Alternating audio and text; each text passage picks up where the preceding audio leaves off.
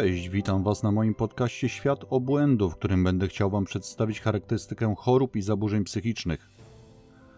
W Polsce choroby psychiczne w dalszym ciągu są tematem tabu, choć muszę przyznać, że w ostatnim czasie jest o nich coraz głośniej, co mam nadzieję doprowadzi do poprawy dostępności leczenia oraz braku wytykania osób szukających pomocy u specjalistów. Zapraszam wszystkich do komentowania, zadawania pytań oraz przedstawiania swoich pomysłów na kolejne odcinki.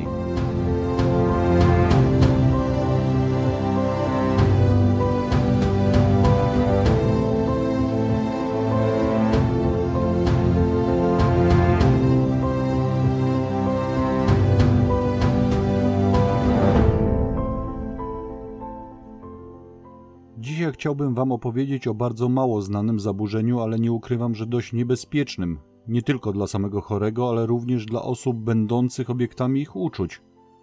Mowa będzie o zespole Adele.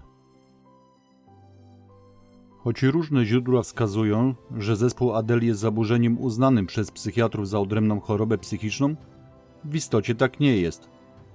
Zaburzenie to bowiem nie zostało wpisane na międzynarodową listę chorób i nie jest również ujęte w klasyfikacji zaburzeń psychicznych amerykańskiego Towarzystwa Psychiatrycznego. Wobec powyższego bardziej odpowiednim dla tego zaburzenia terminem wydaje się choroba miłości bądź patologiczna miłość. Z medycznego punktu widzenia można natomiast mówić o zespole urojeniowym lub obsesji. Zespół Adele to poważne zaburzenie psychiczne o charakterze urojeniowo-obsesyjnym. Jego istotą jest miłosna obsesja na punkcie drugiej osoby oraz głębokie, niesłuszne przekonanie, że to uczucie jest odwzajemnione.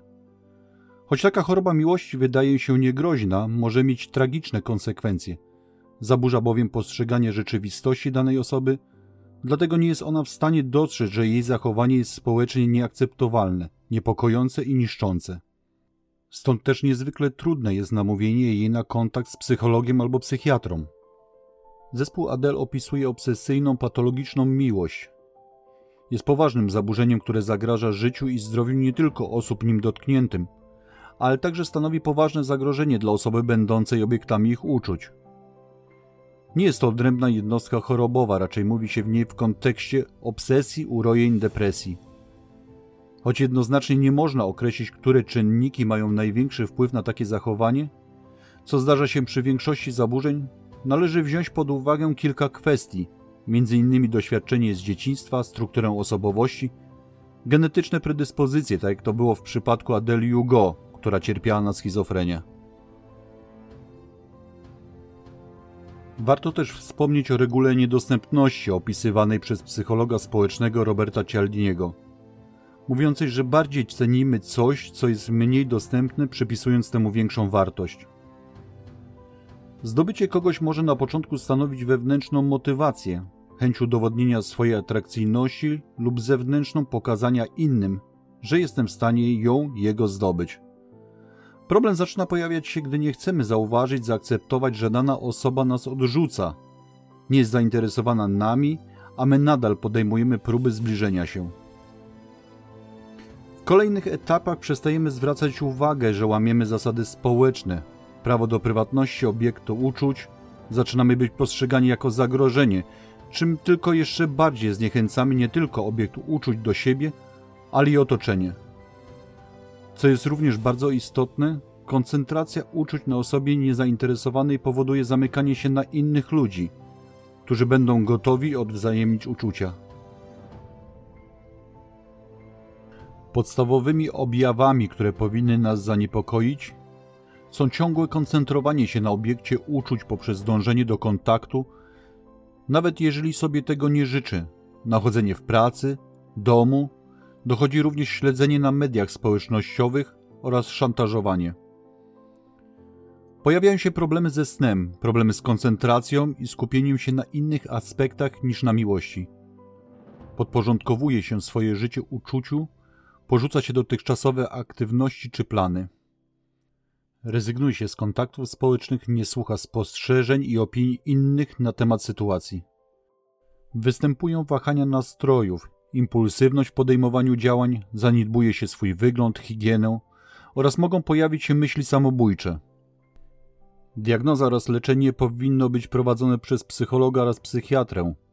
Dwutorowe leczenie daje najlepsze efekty, gdyż z jednej strony psychiatra wdraża odpowiednie leczenie farmakologiczne, zaś w gabinecie psychologa pacjent pracuje podczas psychoterapii nad sobą, by nauczyć się adekwatnie interpretować świat, komunikować się z otoczeniem oraz zaspokajać swoje potrzeby, szanując granice swoje i innych. Aby jak najlepiej zobrazować Wam początki oraz postępy tego zaburzenia, przedstawię Wam historię kobiety, od której choroba wzięła swoją nazwę. Adele Hugo urodziła się 27 lipca 1830 roku w Paryżu. Była najmłodszym dzieckiem znanego pisarza Wiktora Hugo. Opisywana jest jako utalentowane muzycznie, ale nieco ponure dziecko, które spędzało wiele godzin grając na pianinie. Była dziewczyną żyjącą w innej epoce, epoce rewolucji i intryg politycznych, której kobiety tamtych czasów mogły tylko stać z boku i nigdy nie były w stanie wypowiedzieć się na temat aktualnych wydarzeń. Prowadziła samotne życie na wyspach normandzkich, a w jej głowie krążyły plotki o niewierności ojca. Jak większość młodych dorosłych, musiała uciekać od swojej szczególnej sytuacji, takiej jak dziwactwa jej słynnego ojca, oddalenie dwóch braci, śmierci jej jedynej siostry, która w tamtym czasie przejawiała wszelkie aspekty sukcesu i szczęścia. W wieku 16 lat, mniej więcej rok przed tragiczną utratą siostry, Adele zakochała się w 26-letnim Augustie, bracie swojego szwagra. Rodzina była gotowa pobłogosławić ten związek, jednak ze względu na wiek Adele małżeństwo musiało poczekać. Z biegiem czasu jednak uczucie Adele do niego osłabło i nic nie wyszło z jej młodzieńczego zauroczenia. Kiedy skończyła dwadzieścia kilka lat, uznano, aby Adele wyszła za mąż. Otrzymała aż pięć propozycji małżeństwa od najlepszych kawalerów na kontynencie, jednak odrzuciła je wszystkie. W roku 1852 Wiktor Hugo wraz z żoną oraz Adele ucieka z Paryża ze strachu przed reżimem Napoleona III do Jersey. Chociaż niewiele wiadomo o Fansonach, wydaje się, że byli rodziną arystokratyczną. Wiktor Hugo, choć rozpoznawalny w swojej ojczyźnie, nie osiągnął jeszcze międzynarodowej reputacji, tak jak to było we Francji. Chodzi o to, że w czasie, gdy młodzi kochankowie Adele i Albert Fanson spotkali się po raz pierwszy w 1854 roku, rodzina Hugo była biedna i na wygnaniu. W rezultacie nie będzie się wydawało nic niezwykłego w tym, że Fansonowi byli przeciwni temu związkowi. Albert Fanson był znacznie starszy od Adele. Był średniego wzrostu, raczej przystojny. Nosił długie wąsy i bardzo starał się wyglądać jak najbardziej elegancko. Z wszystkich opisów, jakie udało mi się znaleźć, wywnioskować można, że był kobieciarzem. W swoim pamiętniku tak Adele opisywała swoje pierwsze spotkanie z Albertem w czerwcu 1854 roku. On zobaczył mnie po raz pierwszy na ławce na tarasie w Jersey. Siedziałam i czytałam. Byłam pochłonięta moją książką. Ja go nie widziałam, ale on mnie widział. I od tego dnia kochał mnie. Albert z czasem oświadczył się Adele, ale mu odmówiła, by później mocno żałować swojej decyzji. Romans 23-letniej Adele zaczął się jako letni romans. Spotykali się od czerwca, ale już we wrześniu Fanson wyjechał z Jersey do Anglii. Sugeruje się, że opuszczając ją, Fanson obiecał Adele, że dołączy do niego w Anglii. I najwyraźniej zrobili to przy kilku okazjach.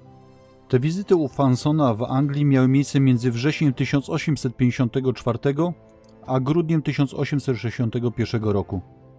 Kiedy to w tym roku jego pułk otrzymał rozkaz wyruszenia do Halifaxu. W tym okresie z pewnością wydaje się, że miłość Adele jeszcze mocniej się pogłębiła, a Fansona zmalała. Adele nalegała na swoją rodzinę, myśląc, że Albert ma to samo pragnienie, aby pozwolono jej go poślubić. Kiedy otrzymano tę propozycję, została ona mocno przedyskutowana w kręgu rodziny Hugo. Wiktor Hugo nie chciał zgodzić się na ten pomysł. Zażądał, aby porucznik Fanson przyjechał do Brukseli i tam poślubił jego córkę.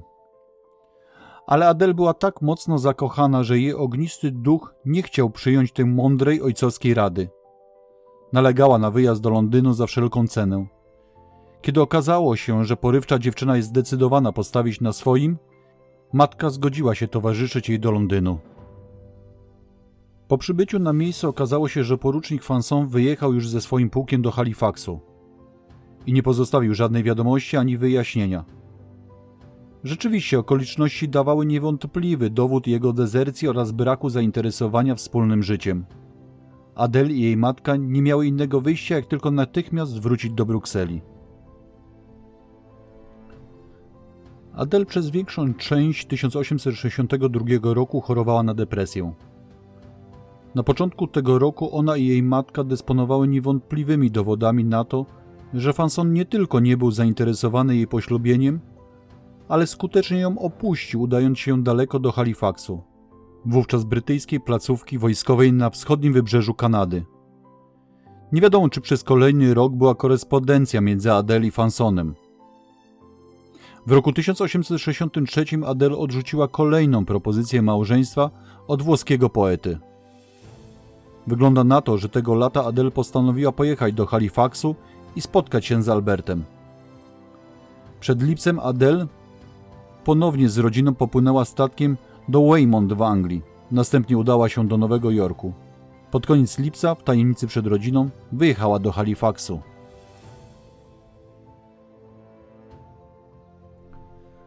Pod koniec lipca 1863 roku pewna kobieta zameldowała się w hotelu w Halifaxie na Hollis Street. Zarejestrowała się jako panna Levely. Ci, którzy ją widywali, z czasem poznawali ją jako tajemniczą francuską pannę przedstawiającą się jako Madame Fanson. Adele nie została długo w hotelu. Została zapoznana z rodziną Sandersów i prawdopodobnie w celu zachowania swoich pieniędzy zamieszkała u nich w domu. Jej pokój w domu Sandersów umeblowała sama Adele. Jadła mało, a jej dieta składała się głównie z chleba, masła i czekolady. Z początku Sandersowie nie mieli pojęcia, że panna Lewli jest córką słynnego Wiktora Hugo. Była dla nich biedną kobietą, której często pomagali darmowym posiłkiem i dachem nad głową.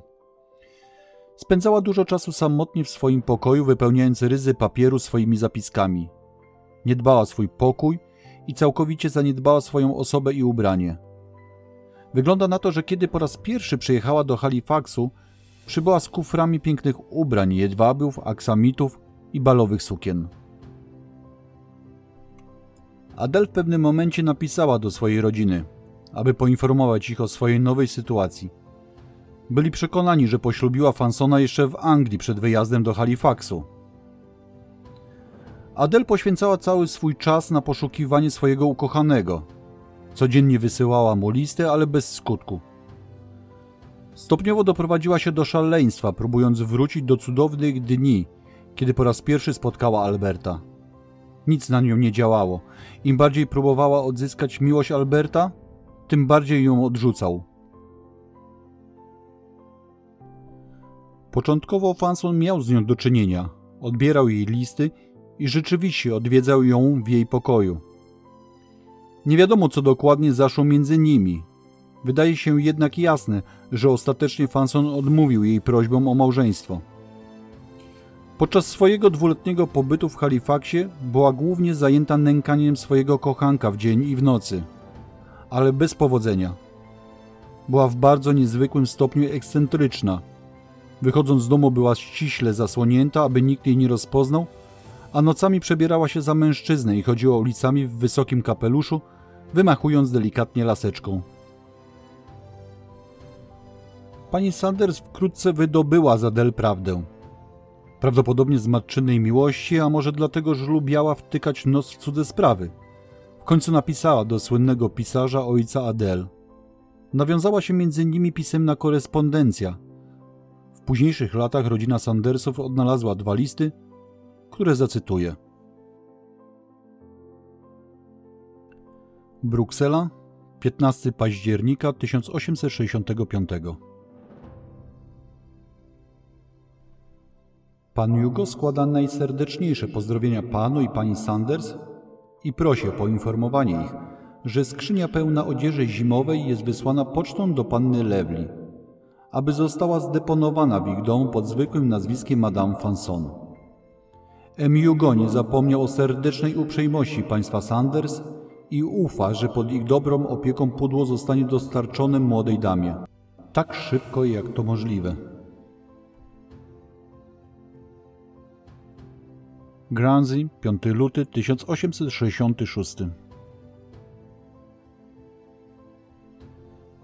Moja droga pani Sanders, naprawdę jestem Ci niezmiernie wdzięczny za Twoją uprzejmą wiadomość. Twoje informacje były bardzo mile widziane. Mam nadzieję, że panna Lewli w końcu zostanie nakłoniona do powrotu do domu, do własnej rodziny. Jej matce bardzo zależy na jej powrocie do domu i niestety poważna niedyspozycja nie pozwala jej przedostać się do Halifaxu. Zamierza to zrobić, gdy tylko nadejdzie wiosna. Do tego czasu bądź łaskawa udzielić informacji, które wiernie przekaże jej przyjaciołom i za które są Ci niezmiernie wdzięczni. Powiedz mi też w swoim liście, jak mogę Ci się odwdzięczyć za znaczki, które przyklejasz do swoich listów. Mogę wprawdzie z łatwością zrekompensować Ci te drobne wydatki, ale nigdy za Twoją chrześcijańską dobroć. 1866 jej ukochany został wysłany na Barbados. Gdy zbliżał się czas opuszczenia Halifaxu przez XVI pułk, zauroczona Adel bacznie obserwowała ruchy swojego wagarującego kochanka. Każdy parowiec, który przypływał i przygotowywał się do odpłynięcia, napełniał ją niejasnym strachem, że Fanson spróbuje uciec. Z każdym nowym przybyciem statku do portu brała taksówkę oraz swoje niezbędne rzeczy i szła na nabrzeże, aby tam czekać i obserwować, czy wejdzie na pokład do Anglii. Była jednak gotowa pójść za nim, gdziekolwiek się uda. Z czasem jednak dowiedziała się, że pułk Alberta wyruszył na Barbados. Adel szybko wyruszyła za nim. Podczas pobytu na Barbadosie zamieszkała z panią Chatterton. Tutaj poświęciła się pisaniu i chodziła po ulicach w niedbałym stroju z miną i zachowaniem tak ekscentrycznym, że była obiektem żartów. Nie wiadomo, czy kiedykolwiek spotkała się z Albertem na Barbadosie. Jej życie tam niewiele się zmieniło od tego, które prowadziła w Halifaxie. Muszę jednak zaznaczyć, że niewiele wiemy o Albercie. Będąc na Barbadosie w 1868 roku został kapitanem. W 1869 roku Fanson ze swoim pułkiem udał się z Barbadosu do Anglii przez Dublin. Adel miała go już nigdy więcej nie zobaczyć. Niedługo po powrocie do Anglii Fanson odszedł z wojska. Poznał bardzo zamożną kobietę, córkę podpułkownika armii brytyjskiej, którą poślubił 31 marca 1870 roku. Adele żyła samotnie w Indiach Zachodnich. W końcu zaprzyjaźniła się z nią czarnoskóra kobieta z Barbadosu, która w 1872 roku poczyniła przygotowania do sprowadzenia Adele z powrotem do rodzinnego domu we Francji.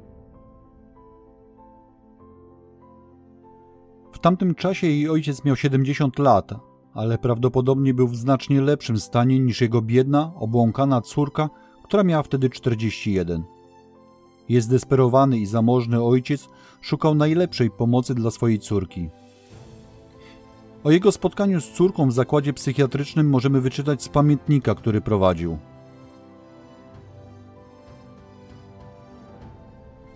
Zobaczyłem ją ponownie. Objąłem ją, mówiłem do niej słowa czułości i nadziei. Była spokojna i czasami wydawała się być ospała. Właśnie dzisiaj mija rok, odkąd wyjechałem do Bordeaux z Karolem, który nie chciał wrócić żywy. Dziś znów widzę Adel. Co za smutek.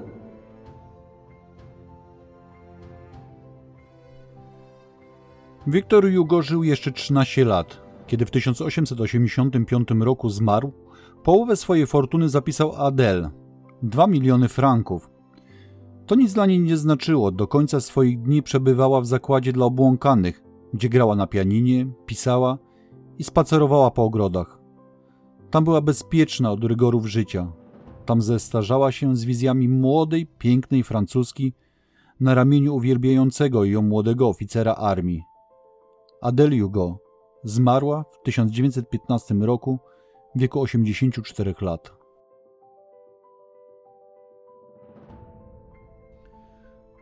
Adel to przykład poważnego załamania psychicznego.